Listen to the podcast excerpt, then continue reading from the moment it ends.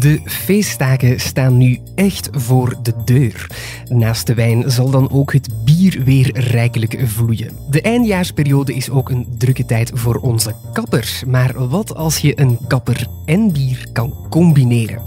Onmogelijk, denk je? Dan ken jij de bierkapper nog niet. Wil je een milieuvriendelijk product kopen? Dat kan in onze winkels. Kerstinkopen zijn ook perfect om jouw ecochecks eens uit te geven. Je kan er producten die meebouwen aan een milieuvriendelijke en duurzame wereld mee aanschaffen. Maar hebben die ecochecks ook een impact op ons gedrag? Facebook is een beetje zoals een dinosaurus. Eeuwenoud en zelfs oma en opa zitten er ondertussen op. Wat wel enorm veel invloed heeft op ons dagelijks functioneren zijn de sociale media. Gemene berichten, valse profielen, bewerkte foto's. Je zou er bijna niet aan willen beginnen. Maar toch lijken ze heel belangrijk en zelfs onmisbaar voor jouw onderneming. Laten we er samen in vliegen. En dat bedoel ik niet in de cloud, maar wel in deze podcast. We hebben het vandaag over ecochecks, bierkappers en sociale media. Ik ben Laurens Bervoets. Welkom bij Optil. Optil, een maandelijkse actua-podcast van Unizo. Met Laurens Bervoets. Voor wie nu spontaan de balans van zijn of haar eco-checks aan het checken is, het komt door deze nieuwe optil. En we doen er nog een schepje bovenop, want je gaat alleen maar hunkeren naar meer eco-checks na het horen van deze man. Hij is professor aan de U Hasselt en deed onderzoek naar de impact van eco-checks op ons aankoopgedrag. En hij vervoegde ons panel hier vandaag.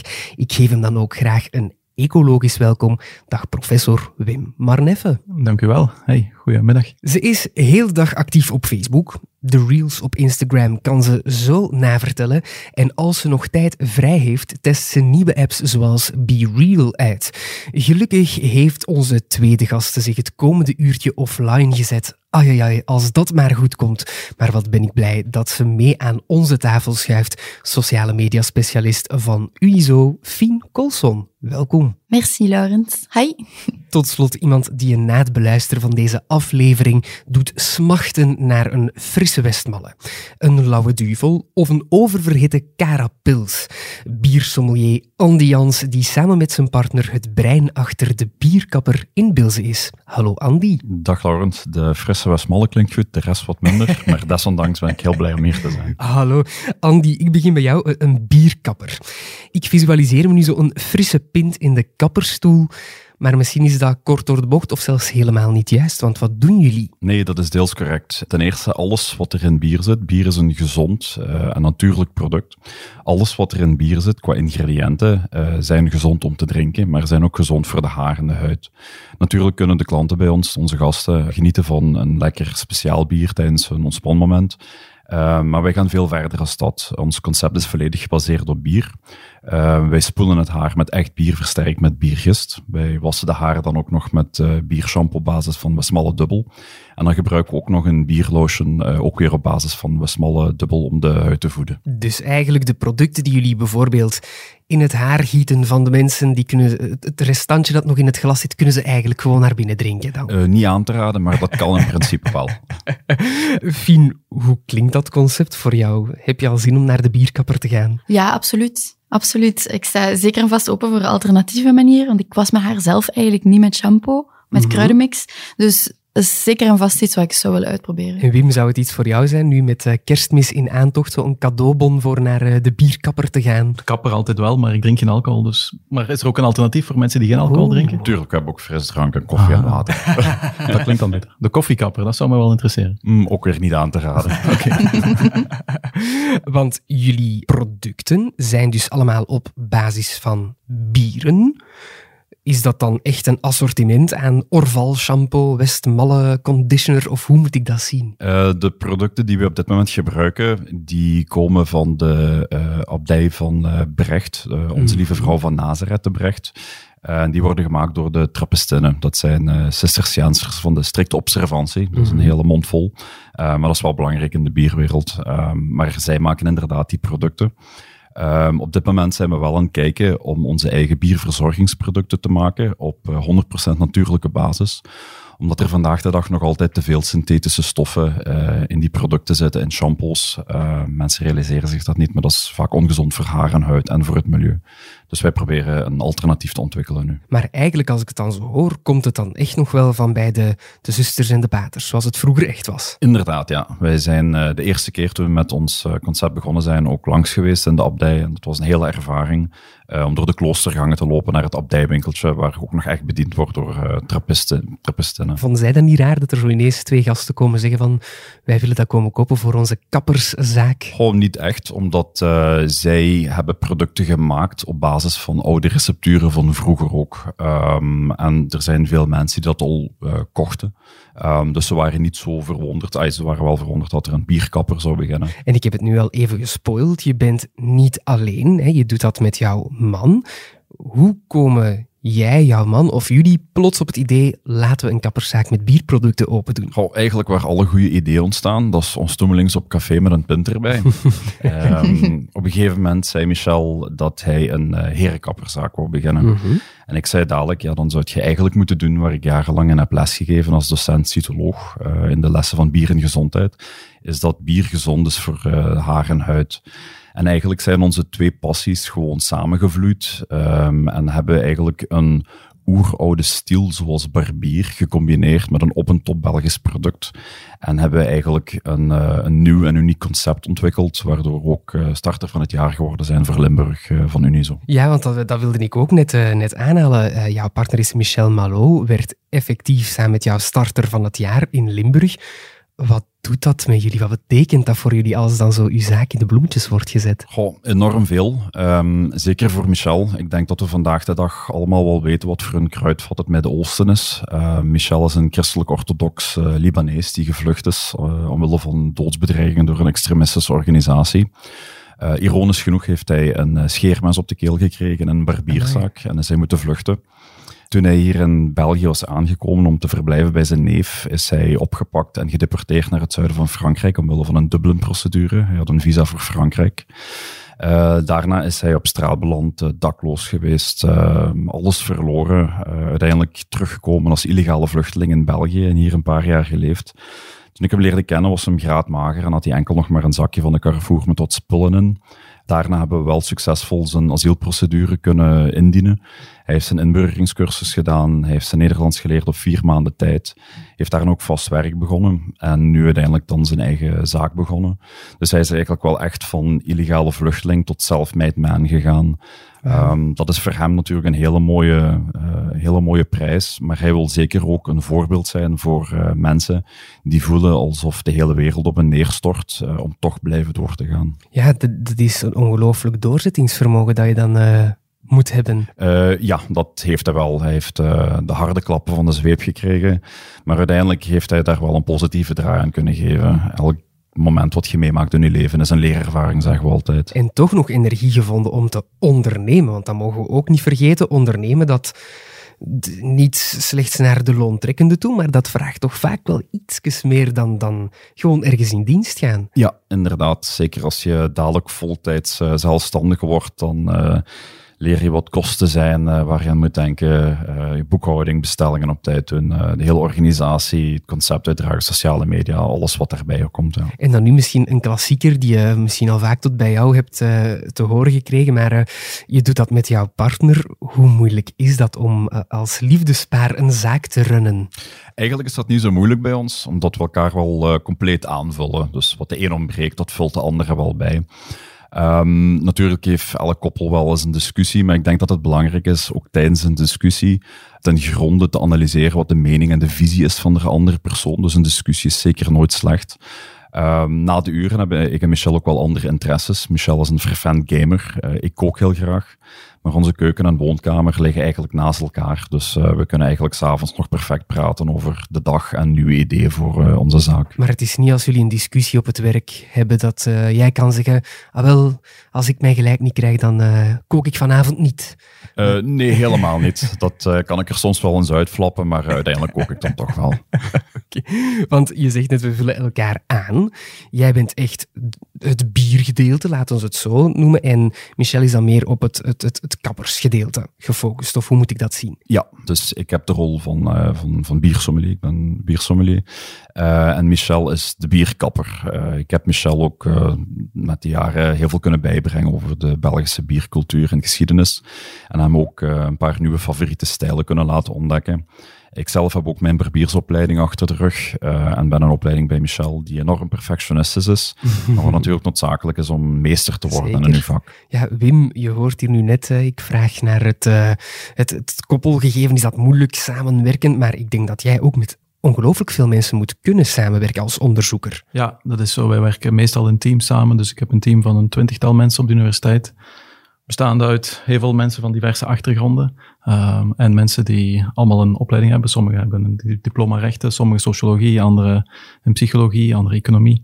Dus, maar dat is typisch bij onderzoek, is dat dat multidisciplinair is. Nu, wat ik wel hoor in jouw verhaal, is dat, en ik zie dat ook bij onze studenten, als we kijken naar de studenten die een onderneming starten, dan zijn dat vaak studenten die een achtergrond hebben uit andere culturen. Dus dat die zijn ondernemerder dan de gemiddelde Vlaamse ja. studenten. We zien dat zij vaker doorstarten naar het ondernemerschap of proberen.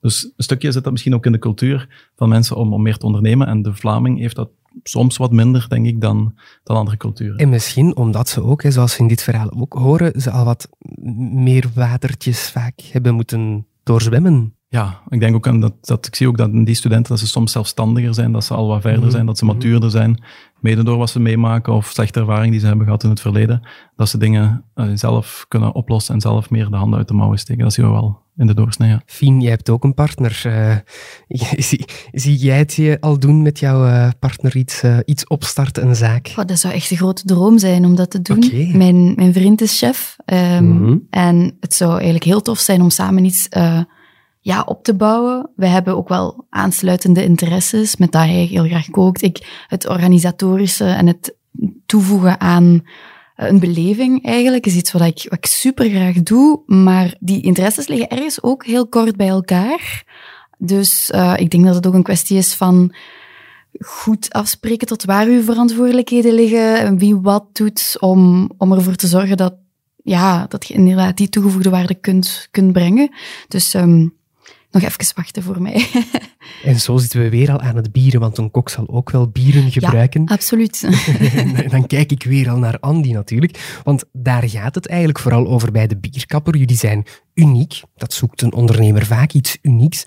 Jullie gebruiken dus bier um, als, als product, maar hoe goed is dat dan voor de gezondheid? Want je zei al wel, van dat is goed voor voor je haar, et cetera. Maar zitten daar dan vitamines in? Zorgt dat voor een relaxerend gevoel? Of, of wat, gaat er al, wat gebeurt er als je bier gebruikt? Eigenlijk gebruikten mensen vroeger al bier of eieren om hun haren te voeden. Mm -hmm. uh, dat is ook een van de redenen waarom het domein Bokrijk ons heeft gevraagd om, om die oude ambacht ten toon te stellen uh, in een van de dijkhuisjes van Calo op mm -hmm. verschillende zondagen.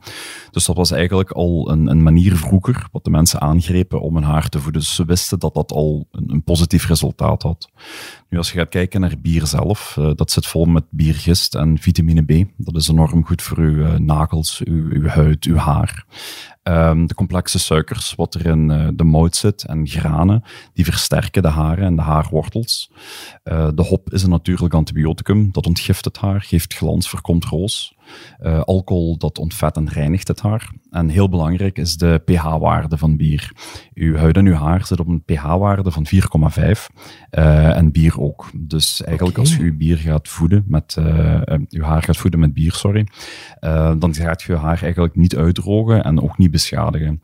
Als je gewoon water zou pakken, dus puur zuiver water, dan zit je op een pH-waarde van 7 en dan zijt je je haar eigenlijk al aan het uitdrogen en beschadigen. Dus mensen hebben altijd gezocht en je hebt altijd voedende, gezonde eigenschappen nodig voor het haar te voeden. Ik leer hier zoveel bij over mijn haar. ik ga dat nooit meer normaal kunnen wassen nu, denk ik. Hopelijk. Hopelijk. Wat, wat ik mij nu wel heel erg voorstel, ik ben zelf geen festivalganger, maar ik, ik riek nu gewoon het festival. Als je zo zegt, je haar met bier wassen, um, stinkt dat niet? Nee, die vraag krijgen we wel vaker. Uh, onze producten zijn ook op basis van, uh, van Westmalle gemaakt. Mm. Um, en dat is natuurlijk heel gevaarlijk om te zeggen dat de heilige moeder van de trappisten, de Westmalle, zou stinken. um, nee, maar het, is, het zijn vooral de de verzorgingsproducten met synthetische stoffen, synthetische parfums, die blijven kleven op de haren. Die zijn ook zo initieel gemaakt uh, om dat te doen, dat de haren eigenlijk goed ruiken. Of sterk schuimen, wat eigenlijk een, een uh, volkslegende is, want extra schuim betekent niet dat het properder wordt. Uh, maar mensen denken dat vaak uh, bier heeft natuurlijke aroma's. Die spoel je gewoon ook uit het haar. Mm -hmm. dat droogt ook niet op in de haren. Dus die geur blijft zeker niet hangen. maar ook zeker te zeggen dat bier geen slechte geur heeft. Oké, okay, ja, in Westmalle, ik ben er altijd naar school gegaan. Dus okay. bij de bezinning kregen wij als 16-jarige een shotje Westmalle. Okay. Um, dus een lekker biertje. Wim, van welk bier mogen ze van jou? Ja, maar je, zei dat je eigenlijk niet drinkt. Ik drink niet, dus ja, je doet me daar heel weinig plezier mee. Maar het klinkt, ik zou, ik zou er wel eens wel langs gaan, dus het klinkt wel boeiend. Altijd welkom. Misschien een alcoholvrije variant van Westmalle, bestaat dat nog niet? Zo'n 0.0? Dat hangt er een beetje af wat, uh, of Wim de, de smaak van bier, om het cru te zeggen, graag heeft of niet. Of gewoon uh, de smaak van alcohol. Dan eerder de smaak van wijn dan bier. Oké. Okay. Ik weet niet of dat een optie is. Ik kan gewoon naar de kapper komen ook, neem ik aan. Uh, inderdaad. Um, maar ik heb al veel mensen al leren bier drinken. Dus oh. misschien is er nog... We gaan dat leren. Ja, we gaan dat leren. en, dan, en, anders toch eens een keer met koffie of wijn proberen. En dan kun je weer een, een extra, uh, een extra ruimte open doen. Met dan uh, elk jaar een nieuwe ruimte met een nieuw drankje. Zolang de kapper zelf niet drinkt, is het goed. Hè? ja. uh, na de uren. Na, ja, voilà. Heb je daar nooit niet schrik voor? of, of jouw klanten dat je Zeg die niet vaak van, zeg, jij drinkt toch niet, want straks ga je hier scheef knippen? Of, uh, ik weet niet. Nee, um, we zijn professioneel en, en wij drinken natuurlijk ook niet tijdens uren, dat is voor onze gasten. Uh, maar heel veel mensen denken dat uh, bierkapper het werkwoord is voor iemand die bier achterover kapt. en, en weer al, dat is voor na de uren. Dat is wel... ja, misschien moeten we het wel zo, zo, nomineren voor het woord van het jaar, of wat is ja. daar? Kan, hè? Fien, ga jij vanavond nu eens testen met bier in je haar, of laat je het over aan professionals? Ja, ik ben aan het twijfelen. Ik, ik zit met twijfel. Vooral door die geur. Want inderdaad, als je het volledig eruit kunt wassen en het blijft niet zitten, ik denk echt, ja, ik ben, ik ben wel benieuwd. Andy, jij zei daarnet ook al, jij bent biersommelier. De meeste van ons kennen ondertussen wel of zijn al gekend met wijnsommelier. Is dat dan ongeveer hetzelfde maar voor bier, of wat doet een biersommelier? Uh, officieel heb ik eigenlijk de titel van cytoloog. Ik zeg altijd mm -hmm. dat ik mhm. biersommelier ben, omdat dat klinkt wat vertrouwder voor de meeste ja, mensen. Ja, ja. Als ik zeg dat ik cytoloog ben, denken de meeste mensen dat ik een exotische godsdienst heb. dus ik gooi altijd bij biersommelier, dat is makkelijker om uit te leggen. Maar een cytoloog is eigenlijk een bierkenner die meer weet over de biergeschiedenis, biercultuur, uh, de ingrediënten, het brouwproces, politiek en wetgeving, zowel van de binnenlandse als de buitenlandse bierwereld. Wow. En een biersommelier is iemand die vooral een focus heeft op smaak, aroma's en foodpairing. Maar een cytoloog is ook een biersommelier. Een biersommelier ja. is eigenlijk onderdeel van het cytoloog zijn. Ja, dus eigenlijk een cytoloog is een beetje de, de, de master variant van de bachelor. Juist, je kunt eigenlijk zeggen dat een cytoloog uh, voor bieren is zoals een oenoloog voor wijnen. Ja. En betekent dat dan ook dat jij soms klanten informatie geeft terwijl je de Westmal aan het inmasseren bent of het product? Uh, ja, wij zien wel, uh, wij hebben enorm veel bierliefhebbende klanten natuurlijk. Uh, mensen staan er ook voor open om nieuwe dingen te ontdekken. Um, wij groeien ook in onze zaak en een van onze uh, focuspunten naar de toekomst toe is een win-win samenwerking op te zetten mm -hmm. met de kleine ambachtelijke Limburgse brouwerijen en mm -hmm. bierfirma's, zodat onze klanten bij ons iets speciaal, uniek en lokaal kunnen drinken. En we willen een klein beetje wegblijven van de mainstream bieren die ja. je heel makkelijk op café uh, vindt. Dus dat is een meerwaarde die wij willen bieden. Uh, maar wij stellen onze bierfrigo ook samen met uh, biersoorten en stijlen die seizoensgebonden zijn. Dus wij proberen daar wel een, een heel uitgebreid gamma aan te voorzien. En misschien een eigen biertje op termijn, of misschien is het er al? Dat is een idee waar we eens ooit over gepraat hebben. Um, dat zal vooral een hobbyproject zijn, omdat we uh, nog met onze bierverzorgingsproducten willen werken. Uh, maar misschien in de toekomst. Oké, okay. en is er soms nog minachting naar dan voor jou, vooral jouw uh, job? biersommelier, omdat vele mensen denken, zoals je net zei, al een bier kapper, hij kapt maar wat achterover, maar eigenlijk is dat toch veel meer dan dat? Vroeger wel. Ehm, ik ben 15, 15 jaar geleden afgestudeerd als, uh, bij de eerste lichtingen van cytologen. Uh, en toen was dat wel heel sterk aanwezig. Um, de bierwereld was op dat moment onbekend, onbemind, ongewaardeerd. Um, maar ik heb eigenlijk gezien met die jaren, ik gaf ook les aan, aan, mijn, aan mijn studenten en ik zei altijd, uh, verspreid het goede woord over bier. Maar ik heb die kennis eigenlijk exponentieel zien stijgen bij mm. zowel de specialisten als de gewone bierliefhebbers. Uh, en dat is wel mooi om te zien. Als bier vroeger een underdog was, is dat vandaag de dag zeker wel niet meer. Wij zijn eigenlijk, uh, zoals de Franse wijnen en de Schotse whiskies, in de wereld bekend voor de beste bieren en brouwerijen. En daar mogen we eigenlijk wel best trots op zijn. Komen mensen ook altijd met de juiste verwachtingen naar jullie? Of zien ze jullie soms ook als een veredeld café, om het zo minachtend te zeggen? Uh, gelukkig niet. Uh, onze barbierzaak ziet er van buitenuit als een barbierzaak, mm niet als een mhm. café. Mm Um, maar er zijn wel mensen die op een vrije dag wat vroeger een biertje willen drinken, maar dat blijft altijd onder ons.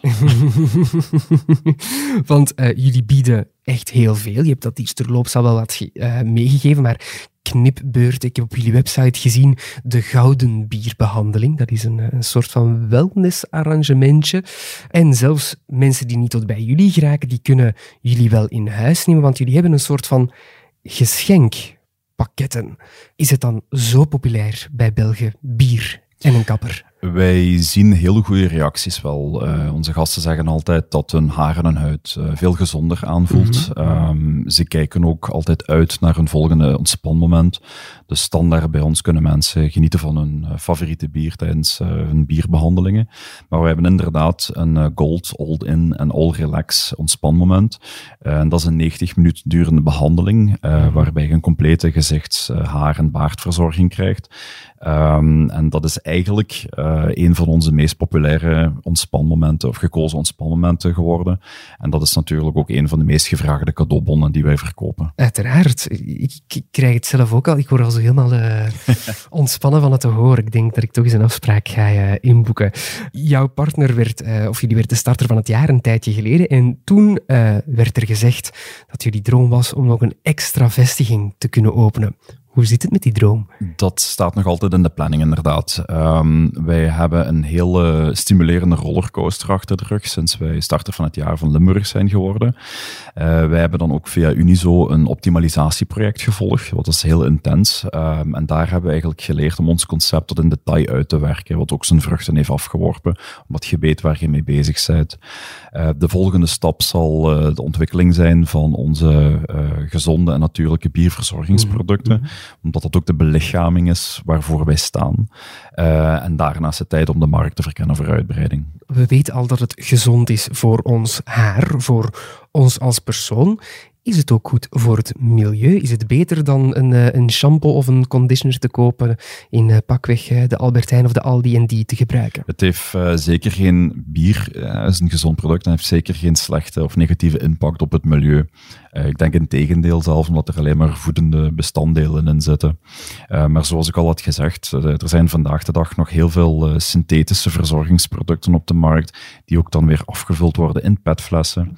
En daarom willen wij die omslag maken naar natuurlijke, gezonde bierverzorgingsproducten, 100% natuurlijk. Die we gaan ook afvullen in glazen, flessen of kartonnen verpakkingen. Okay. Want ik denk dat iedereen het milieu wel beter wil achterlaten mm. voor de volgende generaties. Het is al beter voor het milieu, jullie gaan daar nog meer op inzetten, maar met uh, ecochecks betalen bij jullie kan nog niet. Dat wordt eigenlijk inderdaad niet gedaan, maar ik ben eigenlijk heel benieuwd om van Wim te horen of het mogelijk zou zijn dat mensen met ecochecks betalen voor uh, gezonde bierproducten op basis, op 100% natuurlijke basis. Wel, uiteraard bepaal ik dat niet. Hè. Dat is de Nationale Arbeidsraad die dat bepaalt. Um, dus maar op dit moment uh, denk ik dat dat nog niet in de, in de scope zit, maar die scope wordt regelmatig aangepast. En dus men kijkt altijd naar andere invullingen, bijvoorbeeld tweedehands producten, refurbished producten kan je nu ook kopen daarmee. Dus die scope wordt wel aangepast. Dus het zou wel kunnen dat, well, ik durf daar geen uitspraak over doen, want ik beslis dat uiteraard niet, maar ik kan me inbeelden dat men wel kijkt naar zo'n dingen. Ja. Misschien moeten we die raad dan wel eens een keertje bellen en daar verandering in brengen, want uh, iedereen verplicht ecochecks als verloning en alles wat goed is voor natuur en het klimaat mag ermee betaald worden. Want blijkbaar zouden we daardoor ook bewuster worden van onze zogenaamde groene aankopen. Onder andere een wasmachine, energiebesparende producten zoals een slimme thermostaat, je fiets-GPS of een grasmaaier. Hiermee draag je bij aan een beter milieu en bespaar je mogelijk ook op je energiekosten. Ecochecks hebben een positieve invloed op ons aankoopgedrag. En ze stimuleren de economie, de lokale handel en het klimaat, noem maar op. Misschien moet ik het gewoon door een van de onderzoekers zelf laten vertellen. Wim Marneffe, of professor Wim Marneffe. Vertel eens, Wim, klopt het een beetje wat ik hier zo net heb gezegd? Ja, het klopt. We hebben eigenlijk een onderzoek gedaan naar de impact van ecochecks. In dat onderzoek zijn we drie dingen nagegaan. Enerzijds, waarvoor gebruiken mensen de ecochecks? Gebruiken we dat voor ecologische aankopen, waarvoor het bedoeld is? Mhm. Ten tweede, um, wat is de perceptie van mensen over het systeem van ecochecks? Vinden we dat eigenlijk een goed systeem? Of zijn, denken we dat er andere, betere systemen zijn? En ten derde hebben we dan een experiment gedaan. Als we nu aan mensen die geen ecochecks hebben, toch ecochecks gaan geven, wat gaan ze doen? Gaan ze hun gedrag aanpassen? En mensen die nu ecochecks hebben, en we nemen de ecochecks weg, zouden ze dan ook hun gedrag aanpassen, zouden ze andere aankopen doen. Dus dat zijn de drie dingen die, ze, die we zijn nagegaan. Daarvoor hebben we eigenlijk eerst breed een net van 200.000 Belgen uitgegooid, gevraagd van wilt u meewerken? Daarvan hebben we een steekproef van 6.500 mensen die hebben meegewerkt aan een onderzoek. Dat onderzoek is volledig online gebeurd. mensen hebben een volledige vragenlijst doorlopen van 15, 20 tal minuten. Uh, dus we hebben een vrij grote steekproef, waardoor dat we eigenlijk representatieve uitspraken kunnen doen over de, de Belgische bevolking. Het is een Belgisch onderzoek. En daarin kunnen we dan kijken naar subgroepen. Bijvoorbeeld mensen met lage inkomens, mensen met hogere inkomens. En kijken van, zijn er andere bepaalde deelgroepen die anders gaan reageren op de impact van de EcoShank. Dus dat is eigenlijk het onderzoek dat we gedaan hebben eind 2022. En je zegt nu, hè, we, we hebben dan met, met vragenlijsten steekproeven. Want hoe kan je dat meten? De impact van ecochecks of de impact van, ja, hoe, hoe, doe je dat? Wel, we gaan eigenlijk kijken naar een grote groep van mensen die ecochecks hebben. We kijken wat zij aankopen. En daarnaast gaan we kijken naar een grote groep, vergelijkbare groep van mensen die dezelfde gemiddelde inkomens hebben, die dezelfde kenmerken hebben qua actieve bevolking, qua leeftijd enzovoort, maar die geen ecochecks hebben. Dus dan gaan we kijken, zijn er verschillen tussen die groepen.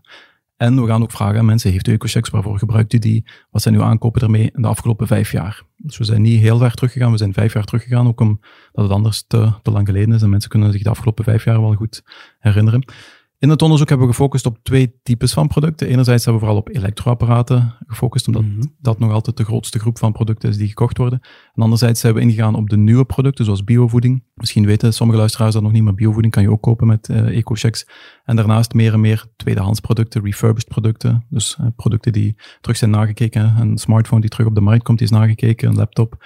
Dus producten die tweedehands zijn, die terug een controle ondergaan hebben, kan je ook kopen met, uh, met EcoChecks. Ik heb mijn research niet goed gedaan. Bioproducten, dat wist ik nog niet, dat je dat uh, kon kopen met EcoChecks. Maar blijkt uit het onderzoek ook dat ongeveer een 40% van de respondenten het ook niet wist. Dus er zijn veel mensen die het niet wisten. Ik moet eerlijk toegeven, voor het onderzoek wist ik het zelf ook niet. Ja. En misschien een leuke anekdote, de reden waarom ik gevraagd was om het onderzoek te doen, is, ik was zelf een grote tegenstander van het systeem van de maaltijdchecks. dus we kennen de maaltijdchecks, um, waar mensen dan producten mee kunnen kopen, voeding mee kunnen kopen. En ik vond altijd dat er nogal een rompslomp was om die checks aan te vragen. Dus ik had een onderzoek gedaan om aan te tonen dat eigenlijk de papieren maaltijdchecks, toen hadden we nog niet de digitale mm-hmm. maaltijdchecks, dat dat eigenlijk toch niet zo'n goed systeem was. En nadien zijn de uitgiftebedrijven van de, van de vouchers, van de checks, me dan komen zoeken en zeggen van, je bent voor ons een geknipte man om onderzoek te doen naar de impact van de eco-checks. Dus ik had hun gewaarschuwd van dat zou wel eens kunnen tegenvallen. Ben je zeker dat, dat, uh, dat je dat wilt? En ze hebben mij volledige carte blanche gegeven om dat onderzoek te doen. En uh, ja, die resultaten zijn dan uiteraard positief en zijn, die vallen heel goed mee voor hun. Ja, want daar wil ik nu eens naartoe gaan. Met dat, dat gaat hier heel snel. Dat, in het onderzoek ging dat niet zo snel, denk ik, maar naar die uitkomst. Want het blijkt echt positief te zijn. Ja, blijkt dat de impact van die ecochecks inderdaad positief is. We zien bij de, de respondenten die ecochecks hebben, dat ongeveer de helft aangeeft hun uh, zijn of haar gedrag gewijzigd hebben dan kan je zeggen, goh, de helft heeft zijn gedrag gewijzigd. Wat met die andere helft? Wel, die andere helft zijn mensen die vooral al ecologisch kopen. Mhm. Of een kleine groep van mensen die zegt van, ik ga mijn gedrag niet aanpassen. Dus ik, ik heb nu eco-checks, maar eigenlijk pas ik mijn gedrag niet aan ik koop dingen die ik voordien ook al kocht, maar ik wil me niet aanpassen en ik ga niet ecologischer kopen. Of mensen die, die misschien de eco-checks ruilen met iemand anders en, en vragen om, om, het zo uh, op te lossen. Maar we zien toch een uh, eh, 50% die zegt ik heb mijn gedrag uh, gewijzigd. Dus ik koop nu producten met een energielabel dat eigenlijk hoger zou zijn dan ik het anders zou gekocht hebben. Of ik koop nu extra biovoeding. Dat zien we heel opvallend nu, een toename van de biovoeding. En daarnaast merken we ook dat mensen die geen eco-checks hebben, dat daarvan een grote meerderheid zegt van mocht ik het hebben, zou ik inderdaad ook wel ecologischer kopen. Bijvoorbeeld, ik heb nu een nieuwe droogkast of een nieuwe koelkast gekocht. Ik heb een B-label gekocht. Had ik eco-checks gehad, had ik A-label gekocht en had ik misschien die 100 euro meer betaald omdat ik dan 150 euro aan eco-checks kon, kon inzetten. Dus het heeft een, een gedragswijziging, het kan het gedrag wijzigen. En bij een aanzienlijk deel van de mensen heeft het dat ook gedaan. En we hebben het nu natuurlijk over een positieve impact op ons, laat het ons groen aankoopgedrag mhm. noemen. Maar dat betekent dan eigenlijk ook dat dat een positieve impact heeft op het klimaat, het milieu, toch? Uiteraard. De producten die we daarmee moeten kopen, die zouden, hè, de Nationale Arbeidsraad, zoals er straks gezegd, stelt die lijst op, die zouden ecologisch verantwoord moeten zijn, die zouden toch een stukje uh, beter moeten zijn. We zien dat dat inderdaad ook zo is bij de toestellen die van een A++-label zijn, dat die inderdaad een stukje langer meegaan, dat die lagere energiekosten hebben, dat die minder kosten. Dus die impact is er en die blijkt ook inderdaad significant te zijn. Andy, heb jij ecochecks? Uh, nee, op dit moment heb ik geen ecochecks, uh, maar vroeger wel. En ik ging vroeger dan wel naar de bio winkel um, om ze te gebruiken, omdat je ze had. En eigenlijk was dat wel interessant, om dan gaat je echt naar een, een, bepaalde winkel en bepaalde producten zoeken die je niet courant vindt in de lokale supermarkt, zal ik zeggen. En omdat ik heel graag kook, uh, heb ik mijn kar natuurlijk gevuld met allerlei soorten granen en, en linzen, die ik normaal niet zou kopen. En dat is eigenlijk wel het leuke aan het verhaal, ja. Dus ik zou zeker geen uh, tegenstander zijn van EcoChecks. Dus je mist ze eigenlijk toch wel een beetje? Uh, misschien wel, omdat je dan het uh, incentive hebt om inderdaad die inkopen te gaan doen. Fien, wat koop jij met EcoChecks? Wel, ik gebruik mijn EcoChecks om naar de farm of naar de barn te gaan. En dat is, dat is genieten, hè. Dus ik kom binnen en dat is zo mooi ingericht, die winkels. Ik heb onlangs een keer zalm gekocht bij mhm. de farm. En de, het smaakverschil is immens. Dus voor mij is dat echt bijna een wellnessdag. Om daar rond te lopen en mijn kaart te vullen met dingen waarvan, allee, dat zijn eco-checks, dus dat is niet per se het, bedrag dat je, waarop je rekent op je, mhm. op mhm. je bankrekening. Dus wanneer ik dat uitgeef, is het gratis goede producten voor mij in mijn hoofd. Dus ja, eco-producten, um, geurwolkjes en dat soort dingen meer naar spirituele kant. Okay. um, treinticketten. Zeg jij nu treinticketten? Kan je treinticketten kopen met eco-checks? Ja. ja. Maar ik leer hier zoveel bij. Ja, de, het, is, het is een betere verplaatsing voor het milieu. Hè, dus. En ik heb op dit moment geen rijbewijs, dus voor mij is dat heel handig. Um, en daarnaast, iemand heeft mij ook verteld dat je nu in tweedehandswinkels ook eco-checks kunt instellen. En alle kleren die ik koop zijn tweedehands. Dus ja, het is feest. Eigenlijk kunnen we gewoon meer met eco-checks dan met maaltijdchecks. Ja. ja, ook dat, dat weet ik niet. Ik heb geen onderzoek gedaan naar maaltijdchecks, maar ik ga ervan uit dat iedereen, stel dat je 200 euro maaltijdchecks krijgt, iedereen koopt wel voor 200 euro maaltijdchecks. Hmm. Nu, dat is iets wat mij interesseert als onderzoeker, is de vraag van, kan het systeem van maaltijdchecks bijvoorbeeld in de toekomst ook hervormd worden naar gezonde voeding. Stel dat je gezonde voeding koopt, dat die maaltijdchecks dan meer doorwegen of dat die euro meer waar wordt enzovoort. Maar dat is als onderzoeker vind ik dat een leuke vraag. Maar... Zoals dat je vroeger eigenlijk, dat is dan weer maaltijdchecks natuurlijk, dat er niet echt heel strikt werd toegezien dat het alleen maar voeding was dat op je ja. Dus dat, nu daar zijn de kassasystemen merk ik wel beter geworden. En bij EcoChecks ken ik ook de verhalen, hoor ik ook in mijn omgeving mensen die de verhalen hadden van ik gebruik dat wel voor dingen die, die er misschien niet voor bedoeld zijn. Maar dat is er toch uit aan het gaan. We merken ook als we de perceptie vragen van de, de 6000 mensen die meegewerkt hebben, dat de meeste, de grote meerderheid ook wel echt het systeem aanraadt en een voorstander is van het systeem. Mensen zien ook de voordelen. Het is natuurlijk iets uh, extraatje op het loon dat uh, belastingsvrij is en waardoor het voor de werkgever een stuk uh, voordeliger is en voor de werknemer. Dus mensen zien die voordelen ook wel. En het systeem draagt ook wel de goedkeuring van de meerderheid van de respondenten. Ja, ja want dat mogen we natuurlijk opnieuw niet vergeten. Niet iedereen heeft ecochecks. Wat zegt het onderzoek daarover, over die groep? Zijn ze dan effectief ook minder groen? Of hoe, hoe moet ik dat zien? Wel, we zien inderdaad dat de mensen die geen ecochecks hebben, dat die gemiddeld genomen wat minder ecologisch gedrag gaan stellen. Mhm. Dat er een groep is die al ecologisch koopt. Hoe hoger het inkomen, hoe ecologischer dat ze al kopen. Ja. Daarnaast zien we dat de mensen met de laagste inkomens, en in onze steekproef waren de mensen met een gezinsinkomen netto van minder dan 2600 per maand. Mhm. Dat zijn de, in onze steekproef de, de lagere inkomens. Um, dat die mensen minder snel uh, de betere e-, elektrotoestellen gaan kopen. En we zien daar dat per 100 euro dat de prijs duurder wordt van een droogkast of een, of een wasmachine, dat de aankoopbereidheid met 16% daalt. Mm. Geef die mensen 100 euro eco-checks en ineens zijn die 32% hebben die meer kans om te kopen. Met andere woorden, die 100 euro, die weegt eigenlijk meer door dan 100 euro. Dat is een stukje multiplicator-effect. Dus die 100 euro wordt zwaarder dan 100 euro als mensen die, die financiële steun van de eco-check krijgen. Dus eigenlijk zou de wereld een mooiere plek worden, letterlijk dan, een groenere plek, als iedereen eco-check zou krijgen. Uiteraard moet dat natuurlijk wel betaald worden. Hè? Dus de, de werkgever moet dat betalen. Hè? Dus uh, we hebben geen onderzoek gedaan naar wat het kost uh, aan de belastingsbetaler, dus dat hebben we niet onderzocht. Maar uh, gegeven dat als je mensen wilt extra verlonen en de extra lasten op de lonen in België, we kennen dat allemaal, vrij hoog zijn, is de EcoCheck een mooi alternatief en is een stukje bruto-netto vooral voor de werkgever en voor de werknemer interessant. Dus in die zin, we zien ook, en dat is opvallend, dat um, zowel de mensen die ecochecks krijgen als de mensen die geen ecochecks krijgen, dat die hun perceptie en hun beoordeling over het systeem identiek is. Dus de mensen die het niet krijgen, zijn evenveel voorstander als de mensen die het wel al krijgen. Dus dat is opvallend. En hoe meer ecochecks, hoe beter ook voor ja, onze planeet. Want je gaf daarnet al aan, als je een betere energiescore, um, een apparaat met een betere energiescore koopt, je hebt een lagere ener, uh, elektriciteitsfactuur, energiefactuur, mm -hmm. Maar er wordt ook minder energie verbruikt, dus dat is dan weer beter voor de planeet. Ja, zeker. En uh, je zou ervan verschieten hoe hoog die besparing aan energie is. We hebben dat voor de droogkast uitgerekend, enkel voor de droogkast. Dus we hebben enkel de mensen genomen die ecochecks hebben en die zeiden van, ik heb in de voorbije vijf jaar een nieuwe droogkast gekocht en dankzij de ecochecks heb ik een toestel gekocht dat eigenlijk milieuvriendelijker is. Mm -hmm. Enkel die steekproef. Als we dan dat doortrekken naar de Belgische bevolking, hè, dus zouden we zeggen van elke, uh, dus we hebben de 6500 mensen, we extrapoleren naar de, de 11 miljoen Belgen, dan zouden we eigenlijk uitkomen op besparing per jaar, dankzij de EcoCheck alleen voor droogkasten, van 17 miljoen euro aan energiekosten. Dus dat is zeer hoog. We hebben dat een aantal keer nagerekend om zeker te zijn dat dat klopt, maar die besparing is gigantisch, omdat die energiekosten lager zijn. Maar weet, als je een nieuw toestel koopt, is die aankoopkost wat hoger. Die nieuwe toestellen, die kosten ja. wat meer. Dus je maakt vooraf, ga je wat meer investeren. Je gebruikt daarvoor de waarde van die ecocheck. En nadien verdien je dat terug in de, in de besparing van de energiefactuur. Een beetje zoals de zonnepanelen eigenlijk. Ja, een stukje wel. Je betaalt het vooraf en nadien krijg je het terug. Dus dat is nu maar een fictief voorbeeld met die droogkast. Daar zouden we dan vanuit gaan dat iedereen de afgelopen vijf jaar die droogkast... Maar je toont aan hoe, hoe significant die besparing kan zijn. Dus het kan echt wel besparen, maar uiteraard, ja, je moet het kunnen betalen en de EcoCheck helpt daarbij. Jij bent nu de expert EcoChecks hier aan tafel. Hè?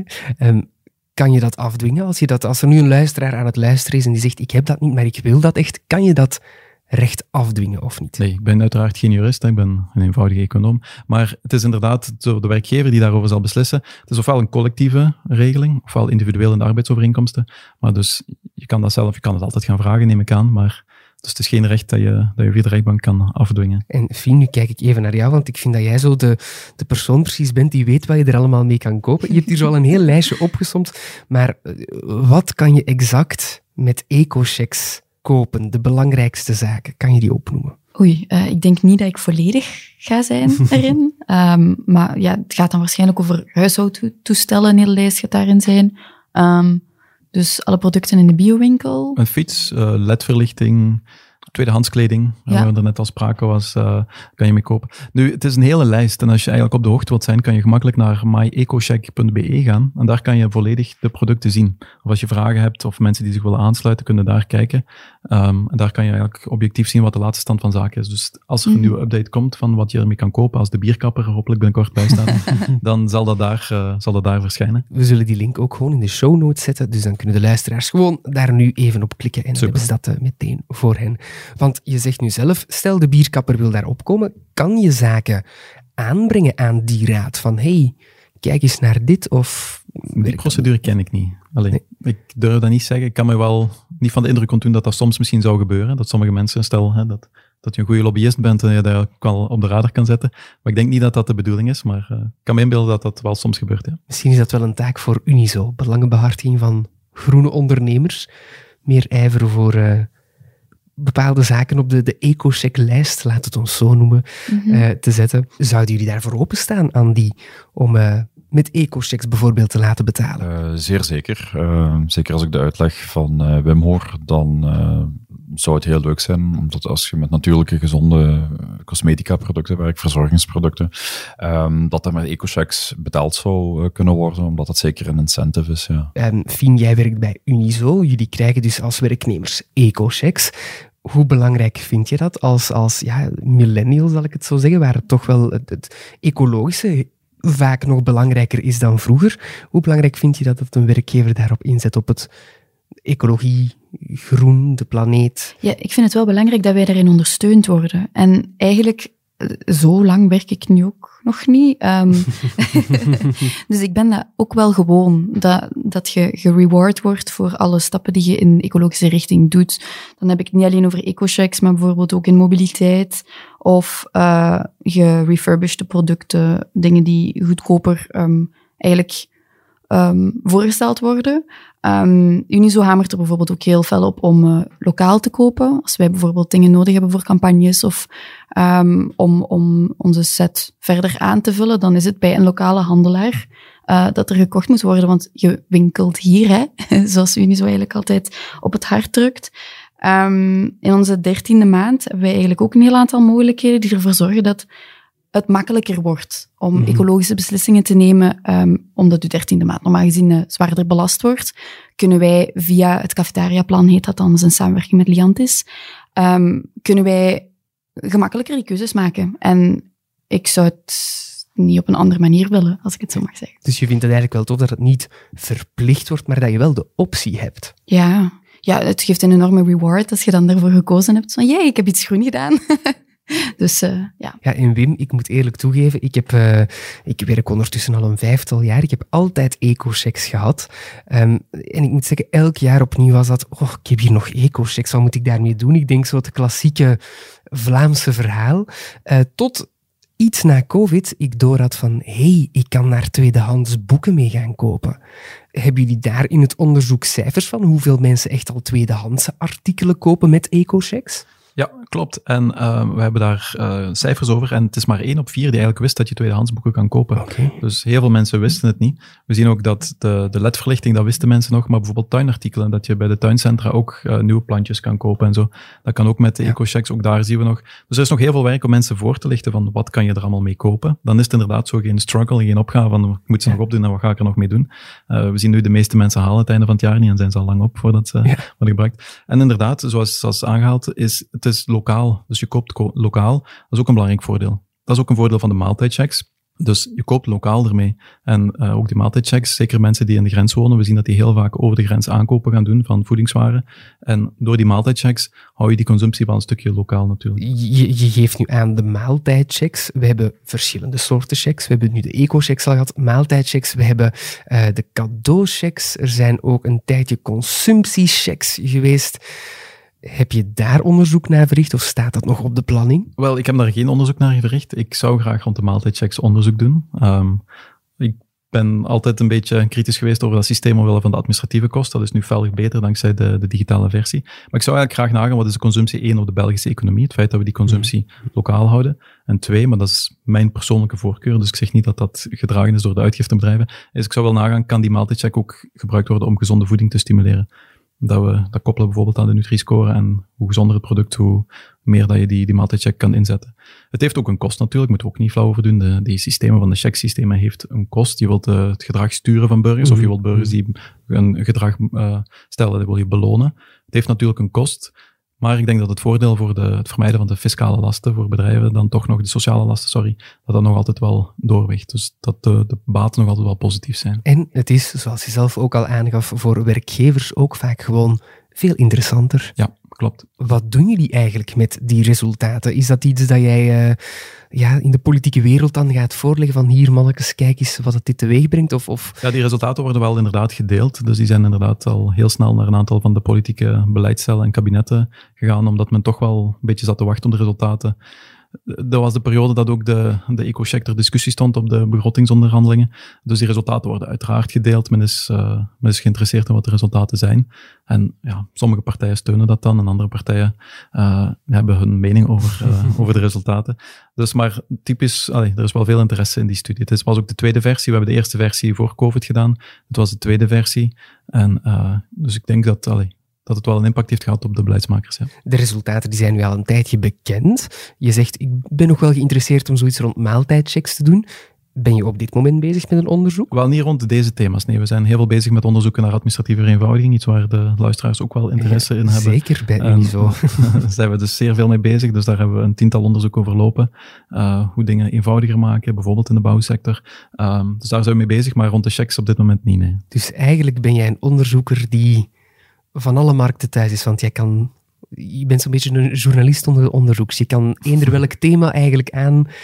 Ja, ik heb een multidisciplinair team en wij doen beleidsonderzoek. Dus meestal zijn de, de overheden en de kabinetten, dat zijn onze, onze klanten om het zo te zeggen. En wij doen eigenlijk de, kijken naar de impact van beleid.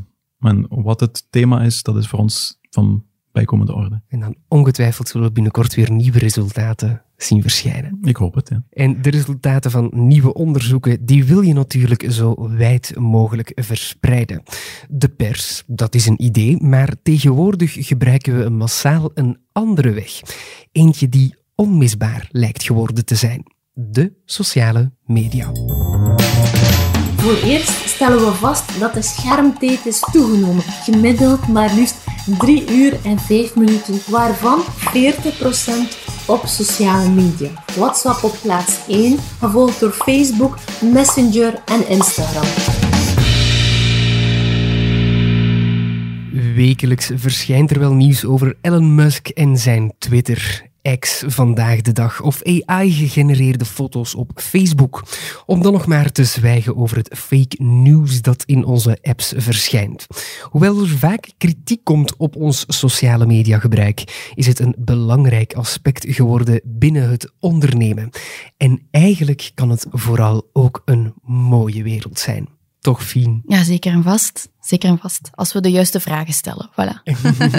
zeg, Fien, voor de luisteraars die misschien niet helemaal mee zijn, en ik denk dat er mm. heel weinig gaan zijn, welke sociale media of kanalen bestaan er vandaag de dag al? Wel, er is Facebook en Instagram valt onder Meta, LinkedIn, X, Pinterest, Snapchat, TikTok, Reddit, BeReal, Twitch, WhatsApp, Discord. En we kunnen eigenlijk nog wel eventjes verder gaan. Um, elk uh, platform heeft zo zijn eigen doelgroep, zijn eigen regels en is ook niet voor iedereen interessant. Dus um, ja, het is een beetje onderzoek doen naar waar jouw doelgroep zit, zeg maar. Dus. Andy, je hebt hier zo net ook, net zoals ik, een, een, een lijstje, uh, zo, en dat, dat is denk ik dan nog een onvolledig lijstje. Mm -hmm, ja. Kan jij nog volgen? Ik dacht al dat uh, Fien een vreemde talen begon te spreken. um, ik denk dat ik een kind van mijn generatie ben. Uh, ik denk dat Fien dat wel zal weten, dat in onze generatie vooral Facebook, uh, Instagram gebruikt wordt. Dat zijn ook de platformen die wij vandaag de dag het meeste gebruiken. Mm -hmm. uh, af en toe posten we ook wel wat video's op TikTok om wat mee te zijn. Mm -hmm. Maar vind ik kan dat misschien beter uitleggen. Naar mijn mening is dat vooral een platform voor een echte jongere generatie. Um, maar ik zou eigenlijk wel meer tijd moeten steken om die verschillende sociale media platformen te onderzoeken en wat de doelpublieken zijn. Omdat als ondernemer moet je meegaan met een tijd. Mm -hmm hoe dat ik eigenlijk een, een, onderscheid maak in de verschillende platformen is de omgeving.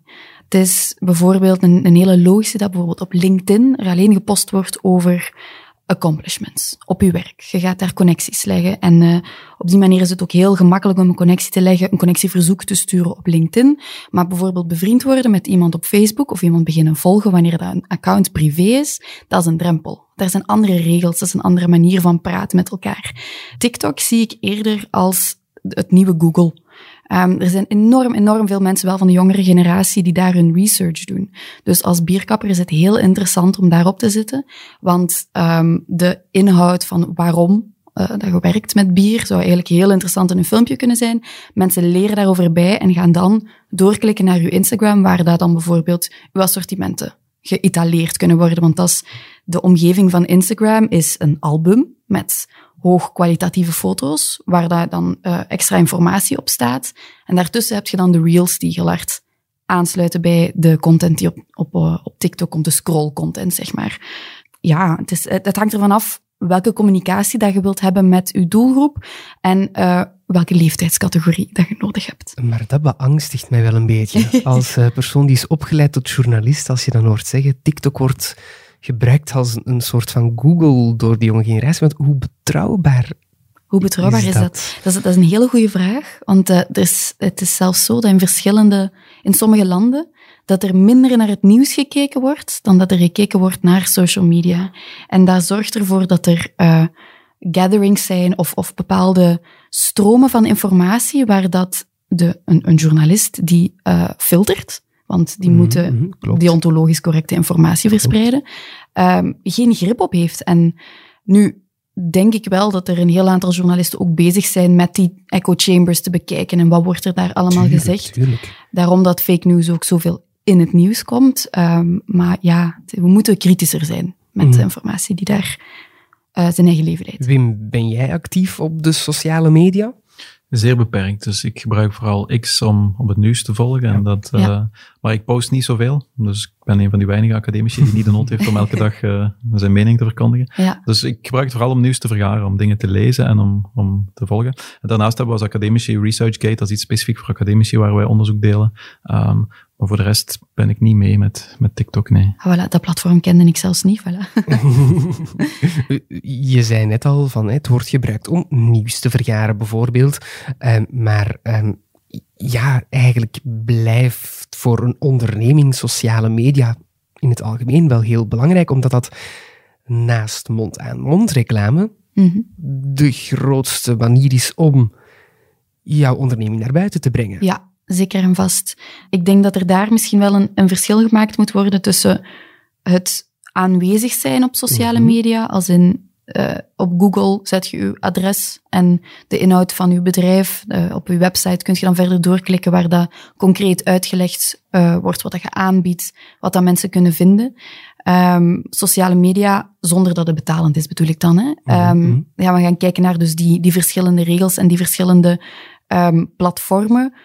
Op, op Instagram zet je dan meer de foto's. Op, op Twitter gaat je bijvoorbeeld geen albumfoto's posten. Um, het is heel belangrijk om actief te zijn, maar het hangt van onderneming tot onderneming af welke platformen dat gekozen worden. Je zei ook al, niet elke doelgroep zit op elk sociaal medium. Mm -hmm. Hoe kom je dat te weten? Van dat mijn ideale klant bijvoorbeeld op Instagram of op Facebook zit? Uh, testen. Testen. Um, ja. dat zeg je graag, want ik weet dat je heel fan bent van testen. Hè? Leg uit. Ja, testen. ja, ja, data is voor mij heel belangrijk. Um, op sociale media, voordat je eigenlijk een, een, grote campagne doet of al je energie, want dat is, iets, dat is ook een hele grote misconceptie over mijn jobinhoud, uh, dat dat zoiets is wat je tussen de soep en de patatten wel kunt doen. Sociale media kost echt heel veel energie als je dat goed wilt doen. Mm -hmm. Dus voordat je kiest van, ah, ik ga al die platformen die ik heb opgesomd, ik ga daar overal aanwezig zijn, want hoe meer, hoe beter. Dat is niet slecht als je een heel team hebt. Maar als je echt wilt, wilt focussen op, um, ik wil bijvoorbeeld dat mensen uh, mijn bierkapperszaak vinden.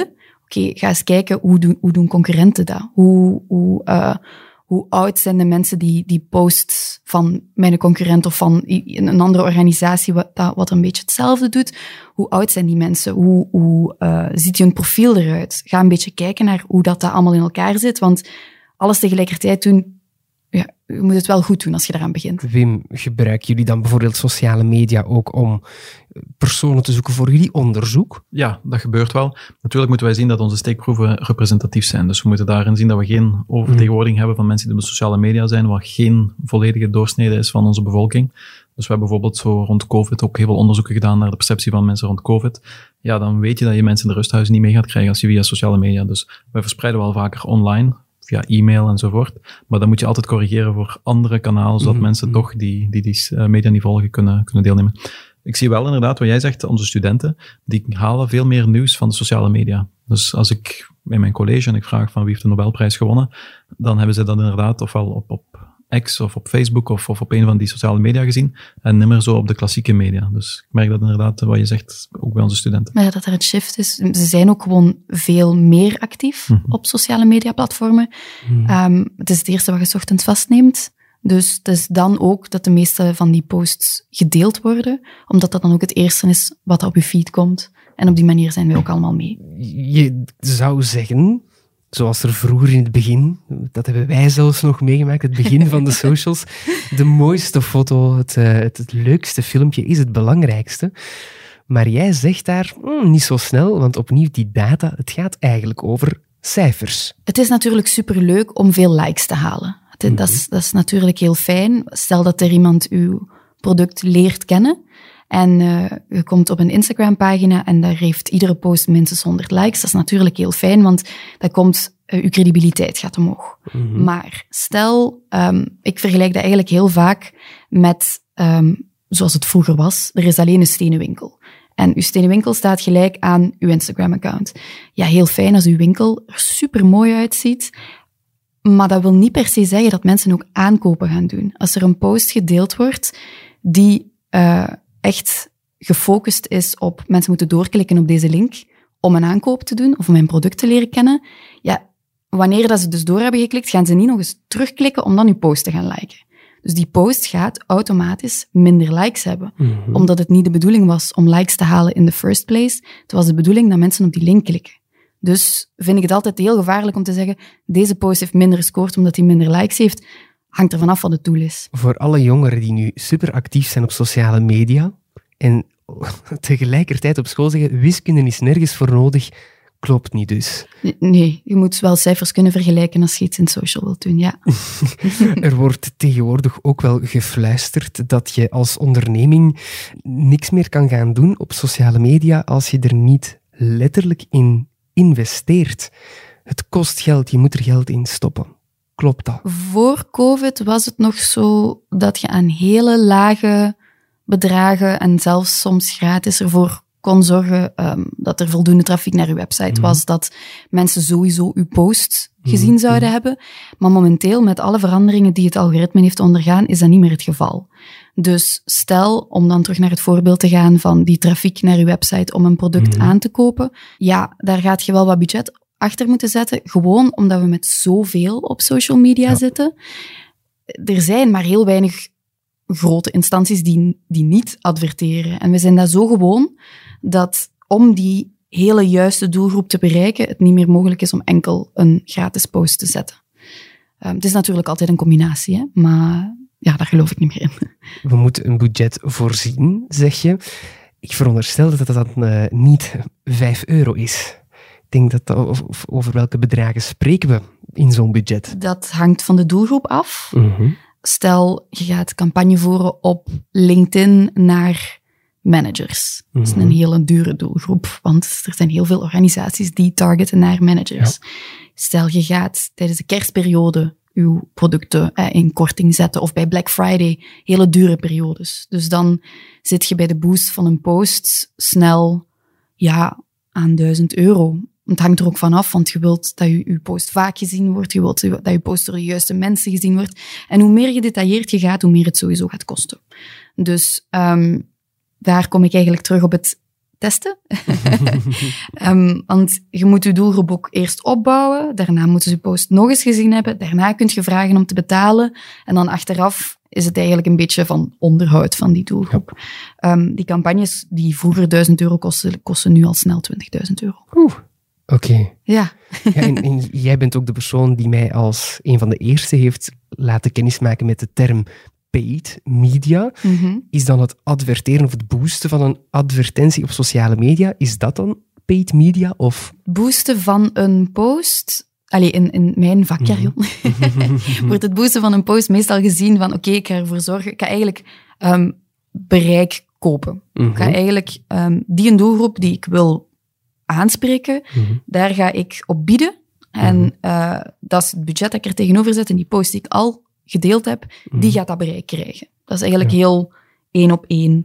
Paid media zit op social media, maar ik denk dat er nog andere platformen Als zijn. Als ik vroeger duizend managers wou bereiken voordat er social media waren, dan moest ik e-mailadressen kopen. Die e-mailadressen die kosten ook 20, 25 euro per e-mailadres. Dus ik betaalde voor een campagne evenzeer 20, 25.000. Uh Dus dat klinkt nu alsof dat zeer duur is, maar eigenlijk is die markt gewoon geëvolueerd. Dus dat is dezelfde markt, waar dat vroeger 20, 25.000 euro kostte gewoon om een e-mail te versturen naar duizend managers gaat dat nu inderdaad nog, ik denk nog zelfs goedkoper zijn. Ik ken de prijzen nu van Instagram bijvoorbeeld niet. Dus ik denk dat het bereik veel groter gaat zijn met Instagram mhm. dan dat het vroeger was. Dus je moet dat wel in context zien. Dat klinkt alsof dat zeer duur is.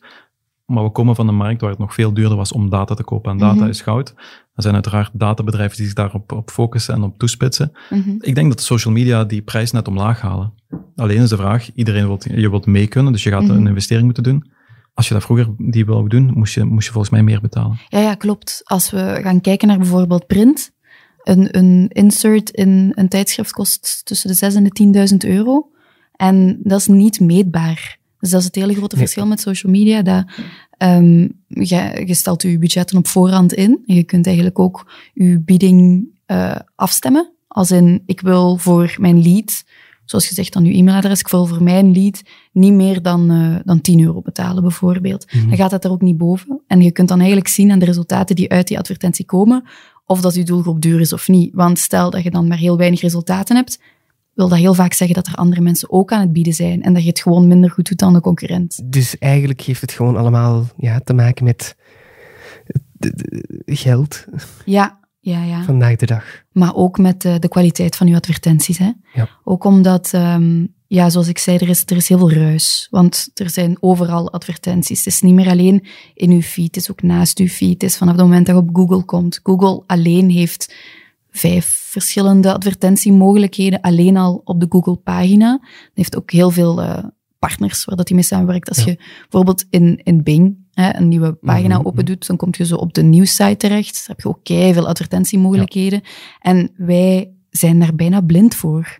Dus de, de kwaliteit van je advertentie moet heel, heel, heel hoog zijn om de aandacht te capteren van de persoon die je wilt bereiken. Daarom dat wanneer dat ik bijvoorbeeld hier naar de designer ga om mijn video's of mijn advertenties te laten maken, is de, de vraag standaard, maak iets wat binnen de vier seconden iemand aanzet tot klikken. Want we zijn allemaal goudvissen op social media. Ons langer concentreren dan dat is onmogelijk. Omdat we zoveel bezig zijn met het scroll, die scrollbeweging te maken. Maar zorgt dat dan soms ook niet voor net een, een heel harde duik in kwaliteit? Omdat je nu hè, die, die pagina van Bing mm aanhaalt. wat ik mij daarvan voor de geest kan halen, is dat ik dan ineens maar mijn aandacht is wel getrokken. Dit wist je nog niet over de bomma van familie. Allee, ja, heel clickbait, hè? Ja. Heel clickbait, maar eigenlijk waar niks in zit. Maar het trekt wel je aandacht. Ja, het is een pagina waar je sowieso op stilstaat. Ik vergelijk dat vaak met um, bijvoorbeeld in, in print. Waar zou je je affiche hangen, stel dat je bijvoorbeeld studenten wilt bereiken? Hm. Waar staan studenten stil? Die staan bijna niet stil. Hè? Um, maar bijvoorbeeld wanneer ze een examen moeten doen, zitten ze in dat kleine gangstje voor hun examen. Dus als je daar een affiche hangt, die wordt gezien. En dat is eigenlijk een beetje hetzelfde op, op het punt dat je, oké, okay, ik, heb een, ik heb een tabblad open gedaan. Ik weet eigenlijk al niet meer wat ik hier kwam doen, want hè, concentratiespannen. en dan zeg je, al die titels komen binnen. Dus als dat dan juist een stuk is wat dat exact is voor uw doelgroep, wat dat we ook kunnen afbakenen, aangezien we zoveel data hebben van de mensen die zoekopdrachten doen, dan gaat dat wel de aandacht trekken. Dus dat is wel nog steeds een meerwaarde. Nu begrijp ik wel altijd de volgeplakte toiletten van cafés en zo. Ah ja, tuurlijk. Je kunt nergens naartoe. Je kunt nergens naartoe. Je begint het ook effectief te lezen. Oké, okay, wauw. Mhm.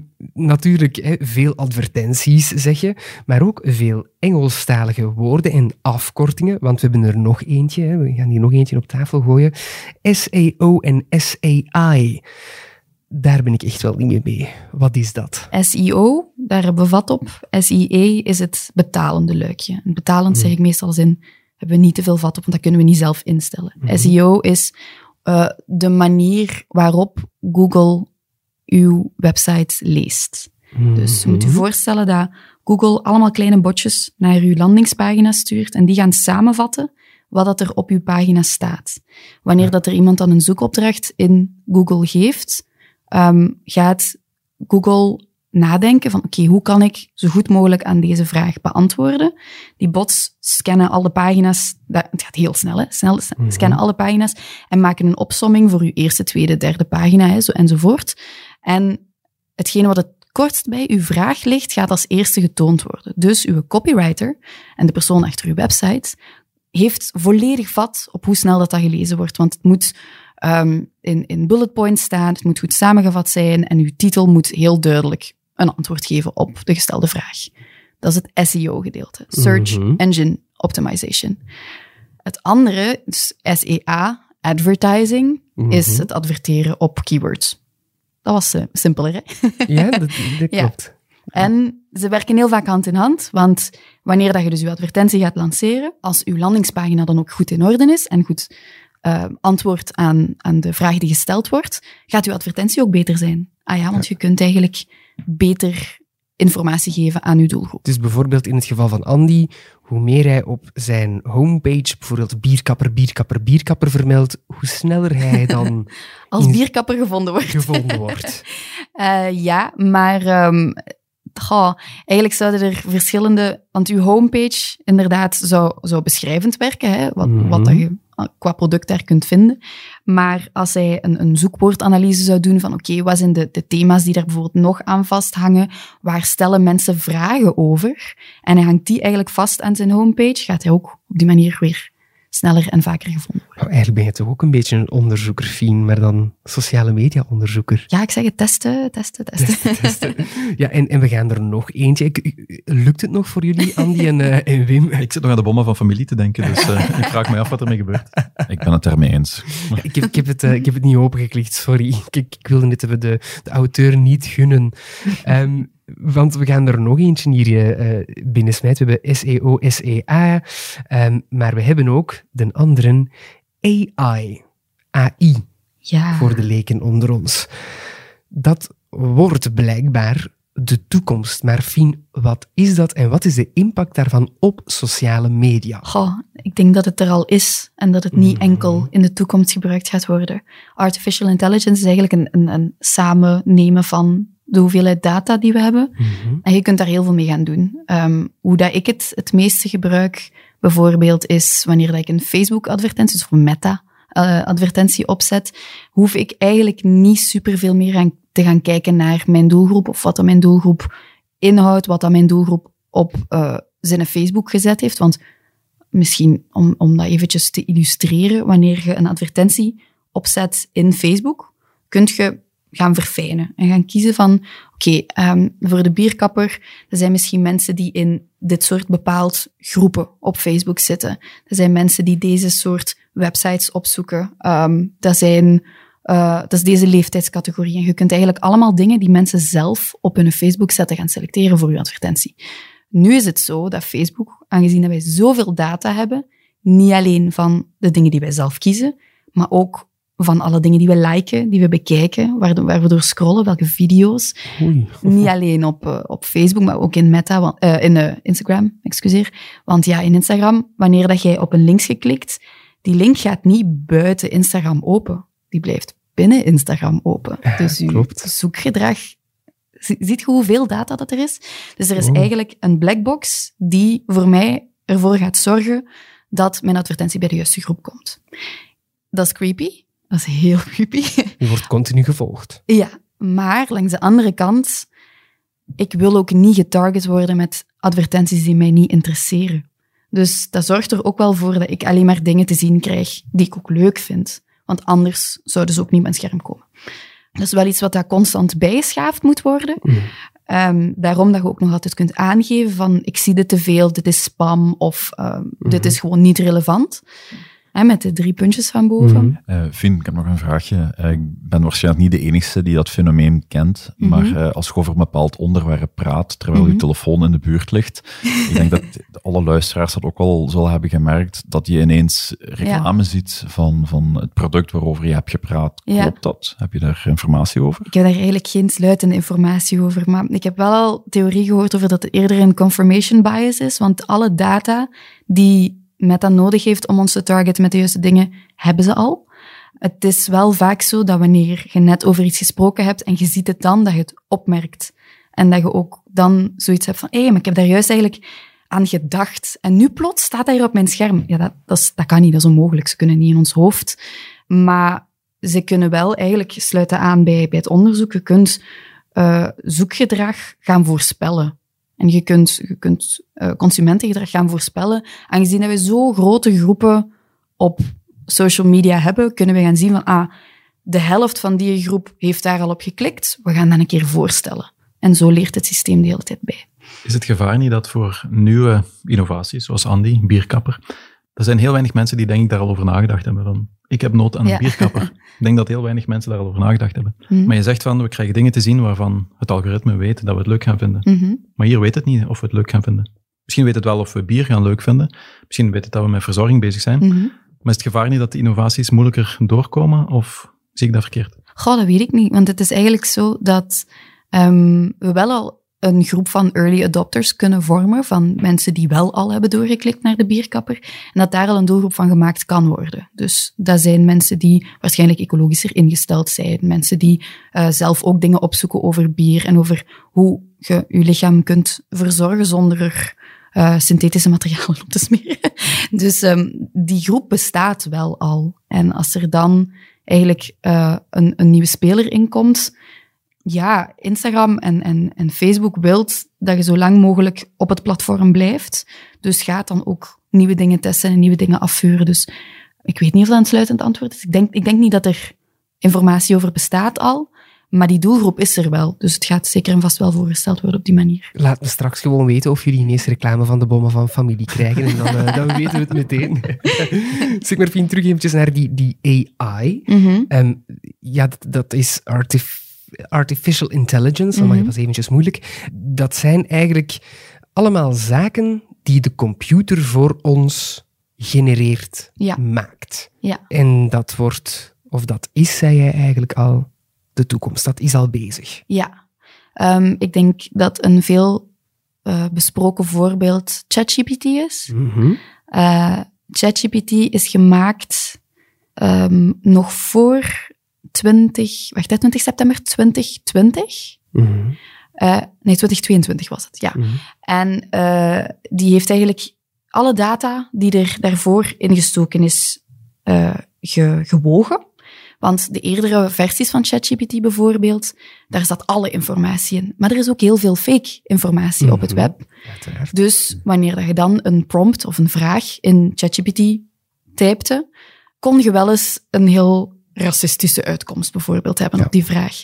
Eh, nu, hè, met dus de laatste versie, is dat gewogen en gaat je een bijna volledig correcte ehm, prompt krijgen. Maar eigenlijk hetzelfde zoals je bij Google doet, moet je met een kritisch oog wel kijken naar het antwoord dat gegeven wordt. Ehm, ja, ChatGPT is dus het herkouwen van alle informatie, gewogen dan, ehm, als antwoord op uw vraag.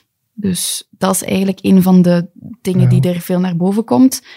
Uh, en je kunt dat gaan nuanceren. Want als je bijvoorbeeld kijkt naar uh, de vraag die ik ChatGPT heel vaak stel, kan je mij een caption schrijven voor deze advertentie, want ik heb dan te weinig tijd. En dan gaat ChatGPT gaan scrollen tussen alle captions en alle tips en alle Ja. blogs en alles wat dat er gemaakt is rond captions voor social media ads. En die gaat dan met de keywords die ik ingeef, captions schrijven. Dat qua datagebruik is eigenlijk een heel interessant. Maar ook wel beangstigend, want AI kan teksten voor ons schrijven, kan zelfs foto's maken zonder die eigenlijk te moeten maken, Ja. maar foto's genereren. Ja. Kan stemmen van anderen reproduceren. Ja. Kan zelfs op video's de mond van iemand laten bewegen met een tekst die ik inspreek. Er zijn verschillende experten die zeggen, allemaal goed en wel, maar één, een bedreiging voor heel veel jobs. En twee, AI kan op een bepaald moment wel een eigen leven gaan leiden, want zoals jij net zegt, ze leven eigenlijk van de informatie die wij aan hen geven. Mhm. Dus alles wat op internet staat, wat we in onze telefoon ingeven, klopt dat? Is dat een bedreiging, een mogelijke bedreiging? Goh, um, een bedreiging voor jobs weet ik zo niet. Want sprekende als iemand die ChatGPT veel gebruikt, komt daar ook wel niet dezelfde kwaliteit van teksten uit die ik bijvoorbeeld van onze copywriter krijg. Dat is echt een heel groot verschil. Vooral ook omdat ik ChatGPT in het Nederlands gebruik, want Unizo is een Nederland, Vlaamstalige organisatie. En dat wordt vertaald van het Engels en dat voelt je heel hard. Ja. Dus als we dan gaan kijken naar bedreiging op jobs, ik denk dat het een heel groot deel, like de, de generieke opdrachten, kun je heel snel door ChatGPT gaan laten afhandelen. Um, of of uh, snelle voorfilmpjes zou je inderdaad door, um, ja, dat moet dan de volgende versie van DALI dan zijn, zou je inderdaad kunnen laten maken. Maar echt het creatieve, uh, het, het nadenken en het erin diven is iets wat dat nog steeds vanuit de mens komt. Uh, gaat aan de toekomst aangepast worden? Ik denk dat zeker en vast wel, mm -hmm. aangezien de alle informatie die je in die artificial intelligence tools steekt, ook gebruikt wordt voor verdere optimalisatie. Dus steek geen data in ChatGPT. niet, niet doen. geen e-mailadressen erin doen. Um, ja, is het een bedreiging? Gaat het zijn eigen leven leiden? Ik denk dat we dat eigenlijk allemaal nog wel in de hand hebben. En zeker de mensen die daarachter zitten. Als je dit kunt bouwen, oh, dan kun je het ook afbreken. Hè? hopelijk, hopelijk. Want Wim, jij geeft ook les. En ook daar wordt nu wel zo'n beetje met argusogen naar AI gekeken. Want het zou heel makkelijk zijn om bijvoorbeeld een thesis of zo zelfs door de, mm -hmm. de computer te laten schrijven. Het zou moeilijk te traceren zijn. Wat ja, vind jij klopt, ervan? Dat, uh, studenten gebruiken het eigenlijk al een tijdje. Dus we zien dat uh, studenten al sneller of voor waren op uh, sommige professoren. um, Nu is het nog gemakkelijk om, om het te detecteren, omdat je ziet dat er vaak bronnen wordt verzonnen door uh, de tool. Hè, dat je ziet van bronnen die niet bestaan, die kunnen we dan gemakkelijk detecteren. Maar het is eigenlijk de verantwoordelijkheid van de universiteit om ermee om te gaan. Dus ik denk dat wij inderdaad studenten moeten leren, net zoals we ze geleerd hebben hoe ze met Google kunnen werken, hoe ze bronnen kunnen doen. We gaan ze leren hoe dat ze hiermee moeten omgaan.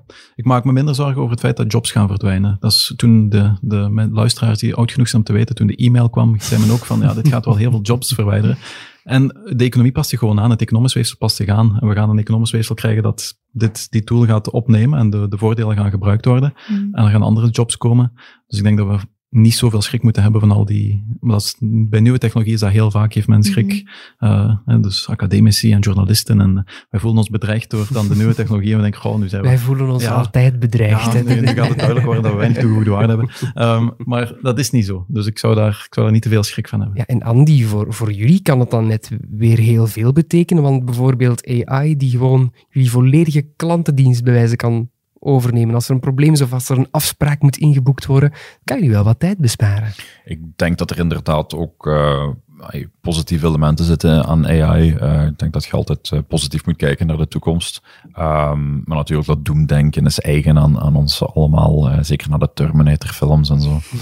um, maar ik denk niet dat het zo'n vaart zal lopen. En ik ben het wel eens met de stelling van Wim dat eigenlijk alles wel in zijn plooi valt en dat we de nieuwe technologieën adopteren. Jij zegt eigenlijk stay calm and drink beer. Juist.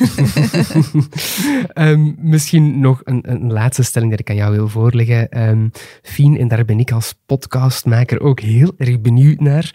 Um, wat is het meest effectieve voor op sociale media? Is dat tekst, een video of beeld of audio? Sorry.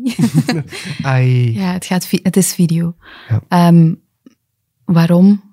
In de eerste vier seconden, dus ik had daar straks gezegd dat je vier seconden hebt om mhm. de aandacht te vangen van iemand op sociale media. Op een scherm kunnen wij ons veel minder lang concentreren. Dus als er in de eerste vier seconden eigenlijk een, een vraag wordt beantwoord of uh, onze aandacht wordt getrokken met iets waar wij al zoekopdrachten naar gedaan hebben, dan blijven we in de video kijken.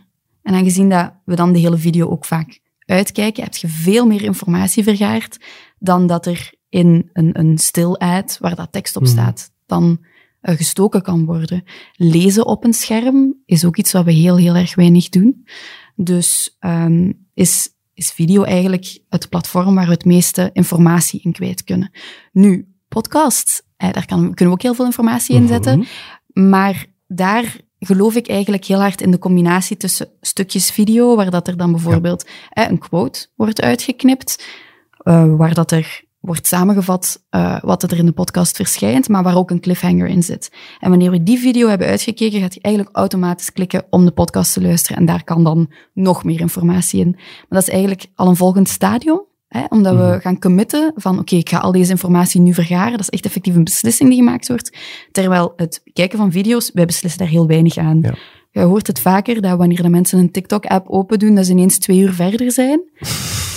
Er is geen ontkomen aan. Wanneer je aan het scrollen ja. bent, blijft je gaan. Op de dus- toilet bijvoorbeeld. Allee, dat is ook een klassieker op de toilet, de reels op Instagram en dan ineens een uur later... Uh... Ja, dus het is daarmee. Het is altijd een combinatie, man. Stel nu dat we over de, de bierkapper en we maken een video van 10 seconden. Mm Of we hebben deze podcast waarin Andy een kwartiertje zijn verhaal heeft gedaan. Mm Zou het niet kunnen dat die kleine doelgroep die een kwartiertje geluisterd heeft, dat die veel meer de voordelen heeft gehoord en veel mhm. meer overtuigd gaat zijn en dus sneller de stap gaat zetten naar de bierkapper, dan iemand die 10 minuten een videootje, 10 seconden een videootje ziet en over een aantal voordelen ziet, maar omdat hij zo snel aan het scrollen is.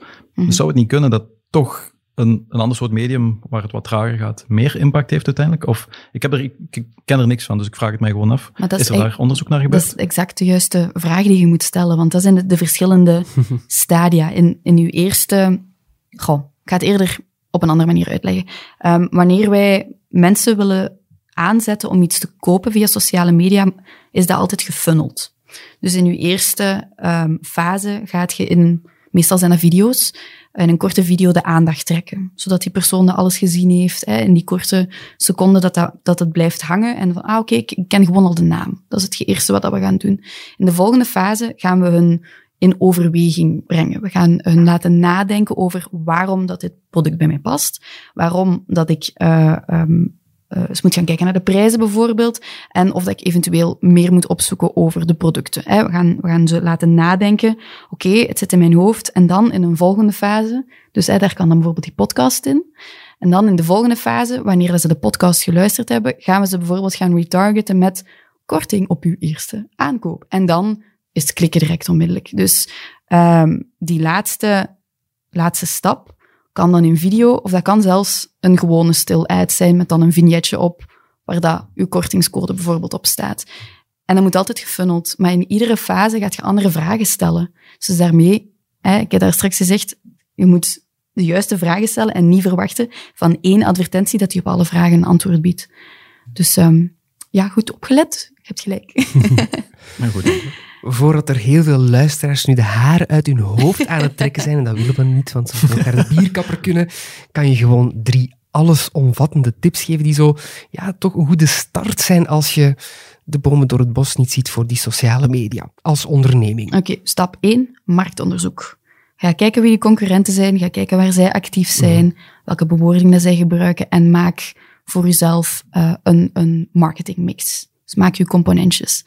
Dan uh, bekijk uw website, optimaliseer uw website, zodat hetgene wat je verkoopt en uw toegevoegde waarde onmiddellijk heel duidelijk zijn. En dan naar buiten brengen. En stap drie, testen, testen, testen. um, ja, lanceer eens een advertentie en kijk, kijk hoe, het, hoe het staat. Verander kleine dingetjes, lanceer opnieuw en zo komt je tot uw specifieke magische formule. Wauw. En ik merk meteen dat we met drie onderzoekers aan tafel zitten. Want sociale media is onderzoeken, onderzoeken. Ja, Wim, onderzoeken, onderzoeken, onderzoeken. En ook uh, voor jou, Andy, uh, blijven onderzoeken welke producten dat er perfect zijn voor het haar en wat er mogelijk is met bieren. En uh, proeven, proeven, proeven natuurlijk. en proeven, proeven, proeven. En natuurlijk, Fien, ga ik ook jouw eh, drie tips boven mijn bed hangen. Of boven mijn bureau, want het gaat hier natuurlijk over sociale media voor tijdens de werkuren. Ik neem vooral mee dat desondanks de valse profielen, haatdragende berichten en fake news, de sociale media een handige tool kunnen zijn om jouw onderneming dichter bij de klant te brengen en omgekeerd. Ecochecks zorgen dan weer voor een betere connectie met onze planeet, want die laten ons energievriendelijk leven. En mocht je nu gefrustreerd zijn omdat je nog steeds geen ecochecks in jouw loonpakket hebt kunnen bemachtigen, ga dan naar de bierkapper voor een heerlijk ontspannend wellnessmoment. Dan rest me enkel nog onze gasten te bedanken, zoals professor Wim Marneffe. Dankjewel voor jouw onderzoek, maar ook om dat tot hier te brengen. Graag gedaan, dank u voor de uitnodiging. En Wim, misschien ook eens een vraag voor jou. Wat is jouw eerstvolgende aankoop met een eco-check? Oh, ik heb net gebouwd, dus ik denk dat het iets voor de tuin zal zijn of zo. Dus aanleg van de tuin of zo zal het zijn. Perfect. Ook een dankjewel aan Andy Jans om de bierkapper hier te komen vertegenwoordigen, maar ook om ons met een mooie koep en een gesmeerde keel de feestdagen in te sturen. Dankjewel. Het was uh, super aangenaam. Ik zal nog een gezegde meegeven. In tijden van groot verdriet en grote vreugd doet een glas bier altijd deugd. Maar wauw, die moet ook boven mijn bed komen. En boven mijn bureau toch ook wel. Uh, Andy, dit is misschien ook eens het moment. Vertel ons, hoe komen we bij jullie terecht? Hoe kunnen we een afspraak bij jullie maken? Ja, dat Fien hier zit, moet ik zeker aan de sociale media denken. uh, dus op Facebook en Instagram is dat uh, Bierkapper. Ook via onze website www.bierkapper.be of gewoon op de Maastrichterstraat 304 in Wilde. Perfect. Bij deze ook een oproep aan mijn man. Mocht je nog geen cadeau hebben voor kerst, dit is het. En natuurlijk ook een dikke merci aan de altijd vrolijke Fien Colson, die mee is met elke nieuwe trend op sociale of in sociale medialand. Dankjewel, Fien. Graag gedaan, het was leuk om hier te zijn. Fien, zou je zo dadelijk nog met de, de hele groep hier aan tafel een leuke foto voor op de socials willen uh, nemen? Ja, zeker en vast. Mag niet ontbreken. En die stoppen we dan natuurlijk ook in de show notes voor de luisteraars. Over de luisteraar gesproken, jij dus. Dankjewel dat jij deze aflevering hebt beluisterd. Daar word ik oprecht zo gelukkig van. Net zoals van de show notes. Want wil je de onderzoeksresultaten rond EcoChecks inkijken? Wil je enkele tips voor jouw sociale media? Of wil je rechtstreeks een afspraak kunnen maken bij de bierkapper in Bilze? Dan moet je gewoon die show notes nu openen. Is lezen of klikken niets voor jou, maar ben je wel te vinden voor luisteren? Perfect, want dan kan je de andere podcasts van Unizo in jouw favoriete podcast-app terugvinden, zoals Innovatiefnemers of de gloednieuwe Snel wijzer. Ik zeg zomaar iets. En dan zou ik normaal moeten zeggen, ik hoor jou heel graag terug voor een nieuwe Optil, maar dat kan ik helaas niet. Wees gerust, Optil blijft gewoon doorlopen. Volgende maand met mijn geweldige collega Babette Plessers. Maar voor mij was dit de allerlaatste aflevering waaraan ik meewerkte. Dankjewel voor al die lieve berichtjes. Dankjewel aan alle gasten om hier zo'n interessante verhalen te komen vertellen. Ik denk dat ik oprecht nog nooit zoveel heb bijgeleerd in een podcast, zelfs vandaag nog. Het was een eer en een waar genoegen om deze podcast te mogen maken. Dankjewel aan Babette voor het bloed, het zweet en ook wel de paar traantjes die we hier hebben ingestoken. Maar opnieuw, Optil loopt gewoon door voor jou. Wie er samen met Babette jouw vertrouwde stem wordt, dat is nog even geheim, maar ik kan je al verklappen dat je in een warm bad ondergedompeld zal worden. Wil je speculeren over de nieuwe stem van Optil of heb je een thema dat je graag behandeld ziet worden in deze podcast? Neem dan contact op met podcast.unizo.be. Daar kan je trouwens ook altijd jouw creatief ei kwijt. En dan hoor ik jou heel graag in een of andere podcast die ongetwijfeld zal verschijnen. En uh, blijven luisteren naar Optillen. Tot in de draai.